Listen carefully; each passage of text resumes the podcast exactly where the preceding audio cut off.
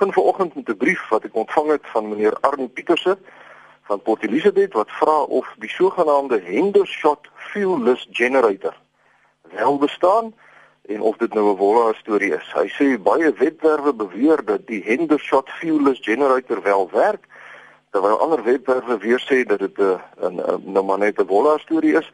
En dan word selfs genoem dat Hendershot, wie hy nou ook al was met 'n vliegtyg oor die Atlantiese Oseaan gevlieg het wat aangedryf is met 'n Hendershot fuelless generator. En meneer Pieter se vraag dat indien dit nou wel waar is, hoekom word so iets nou nie gebou nie? En as die ding werk, eh, wat is die voordele en nadele van die Hendershot fuelless generator? Waarvoor kan dit aangewend word? Sal dit ekonomies wees om so iets te laat bou of te laat bou? Baie dankie meneer Pieter se uh, vir die vraag. Maar ek is bevrees dat ek vir u slegte nuus het. Die Hendershot fuelless generator is een van die voorstelle om energie mee op te wek wat resorteer onder ewigdurende bewegingsmasjiene of soos dit in Engels bekend staan perpetual motion machines. Nou die probleem met hierdie tipe ontwerpe is dat hulle nie aan die wette van termodinamika voldoen nie. Die goed lyk so verskriklik mooi logies as mens na dit kyk en jy, jy en dan dink jy, "Joe, die ding moet werk." Maar eh, die wette van termodinamika uh, sê uh, eintlik in in in in baie eenvoudige taal dat geen energie uit niks opgewek kan word nie. Nou daar is mense wat beweer dat daar voorbeelde van ewigdurende energie in die natuur voorkom. Soos byvoorbeeld die beweging van die planete in hulle wentelbane om die son of gravitasie of magnetisme en uh, dat hierdie energie op 'n manier getap kan word sodat ons dan vir ewig gratis energie hier op aarde kan hê. Maar die eenvoudige waarheid is dat geen masjien kan werk sonder 'n bron van energie nie. Uh en die Hendershot fuelless generator val in hierdie kategorie. Gepraat van goedkoop en volhoubare energie vir almal, meneer Hein van der Walt van Kofessa het dit onder my aandag gebring dat die Amerikaanse maatskappy Lockheed Martin onlangs aangekondig het dat hulle vinnig besig is om die proses van kernfusie te ver, uh, vervolmaak en hulle voorsien dat oor so min as 10 jaar van nou af hulle hierdie energiebron op groot skaal sal kan kommersialiseer en wêreldwyd sal kan versprei. Nou net gou 'n bietjie agtergrond, daar's twee tipes kernreaksies wat ons kry. Die eerste ene is wanneer groot swaar atome soos uran of plutonium nou stukkend gebreek word en 'n groot klomp energie uh, kom dan vry in die proses en dit is die proses wat in bestaande kernreaktors gebruik word. En dit word genoem kernsplyting of kernklowing. Nou die tweede tipe kernreaksie is die een wat in die son plaasvind. En dit word kernsmelting of dan kernfusie genoem. Nou dit gebeur wanneer waterstofkerne deur ontsettende hoë drukke en temperature so styf saamgepers word dat hulle saamsmelt om helium te vorm. En by hierdie reaksie kom daar so 3 tot 4 keer meer energie vry as by kernsplyting. Maar die probleem om 'n kernfusie reaktor hier op aarde te bou was nog altyd die feit dat daar geen materiaal is wat hierdie ontsettende druk en temperatuur kan weerstaan nie. As ook die feit dat as die reaksie eers begin, daar nog nie 'n meganisme bestaan om die verskriklike hoë druk en temperatuur in stand te hou sodat die reaksie sal aanhou nie. Nou in die son se kern word die hoë druk en temperatuur verskaf deur gravitasie. Maar as ons hierdie reaksie op aarde wil naboots, sal daar 'n tegnologie ontwikkel moet word wat die rol van gravitasie kan vervul die Lockheed Martin kyk nou na magnetisme uh en hulle is 'n maatskappy wat in die verlede al verskeie ongelooflike masjiene gebou het uh, in hulle sogenaamde skankhoeks soos byvoorbeeld die U2 spionasievliegtuig en die F117 die F117 stealth vegvliegtuig om maar net twee voorbeelde te, doen, te, te noem. So mense moet nou ook nie sommer hulle aanspraak ligtelik afmaak nie. Uh, hulle beweer dat hulle oor slegs 5 jaar 'n smeltingsreaktor gaan bou wat binne in 'n gewone skeepsvraghouer sal kan pas. En een so 'n fusiereaktor sal dan genoeg energie produseer vir 100 000 huise. Nou as hulle dit kan regkry, sal die wêreld se energieprobleme iets van die verlede wees. Want kernfusie is goedkoop, dis veilig en dit het geen van die probleme wat met ander energieopwekkingsmetodes gepaard gaan nie.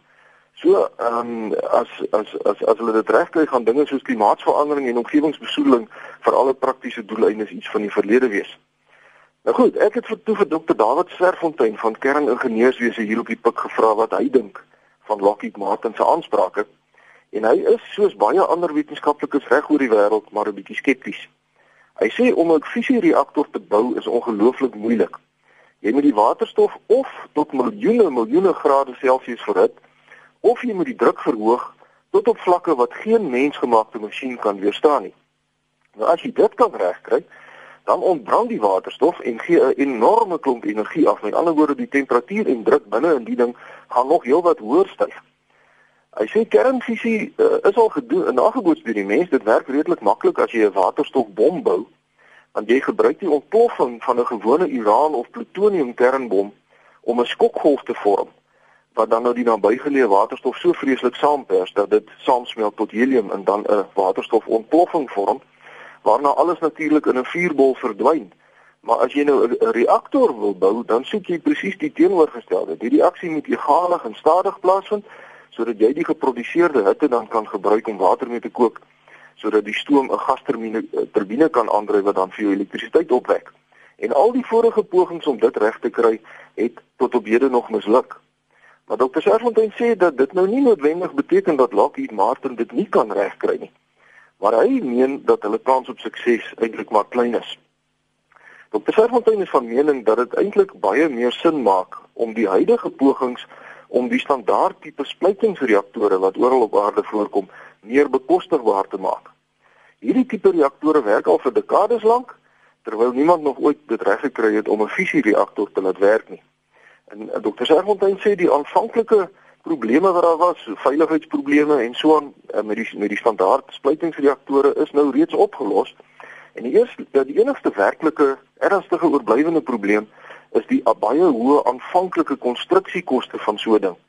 Maar eh, nou het hy ook 'n artikel geskryf wat wys dat die energie oor die hele lewensduur van die ding eintlik heel bekostigbaar is. Ehm um, en as die huidige poging om hierdie tipe reaktore nou op groot skaal te bou sou slaag, dan het ons alle rede om te verwag dat massaproduksie die pryse oor die volgende 30 jaar eh, sal afdruk sodat dit bekostigbaar is. En hy meen dat dit juist dalk hierdie feit is wat maak dat die teenstanders van towingsreaktore tans so aggressief optree. Hulle besef dat as hulle die konstruksie van die nuwe generasie en generasie 4 towingsreaktore nou kan stop, massaproduksie nooit sal plaasvind nie en die pryse dus nooit sal afkom nie en die hergeboorte van die kernbedryf dus sal misluk. Dr. Serfontein is egter van mening dat die nuwe geslag towingsreaktore uitstekend is. En indien iemand anders met 'n nuwe kragbron na vore sou kom wat nog beter sou vaar, dan sal dit wonderlik wees. Maar om egter nou die herlewing van die kernbedryf te probeer doodsmoor uh is eintlik onverantwoordelik en dit sal tot gevolg hê dat energiepryse net nog verder gaan styg. Nou ja, omgewingsvriende, die tyd sal seker leer of Lockheed Martin se aansprake geldig was of nie. Maar hoe dit ook al sê, ons lewe in opwindende tye waar nuwe tegnologiese ontwikkelinge elke dag vir my hoop gee vir die toekoms. Gaan kyk gerus na Lockheed Martin se planne, soek maar net op die internet na Lockheed Martin Fusion en jy sal dan by 'n video-opname uitkom wat mooi wys wat hulle alles wil doen en hoe die masjien lyk wat hulle wil bou. Ek, ek sien my tydjie is om. Uh, ons omgewingsvriende kan gerus vir my skryf by kobus.vanderwalt by nwu.ac.za of u kan my kry by die fakulteit natuurwetenskappe Noordwes Universiteit Potchefstroom 2520. Vriendelike groete tot 'n volgende keer. Kobus, iemand het gesê ek moet jou vra vir jou gesprek voor die tyd neerskryf. Dit is ek maak notas. Ja, ek uh, ek is ek is nou nie so glad in die bek gebore dat ek nou sommer hier kan sit en en en en partykeer is dit nogal ingewikkeld goed waarvan ek maar min weet, soos byvoorbeeld nou hierdie reaktore. Dis hoekom ek gaan kers hmm. opsteek by my kollegas en dan maak ek redelik deeglike notas, ja. Maar uh uh ja, sonder dit sal ek redelik verlore wees, dink ek. Ja, maar sterkte daar Kobus. So gesels ons dan met Kobus van der Walt en as jy wil e-pos is Kobus met 'n K. Kobus.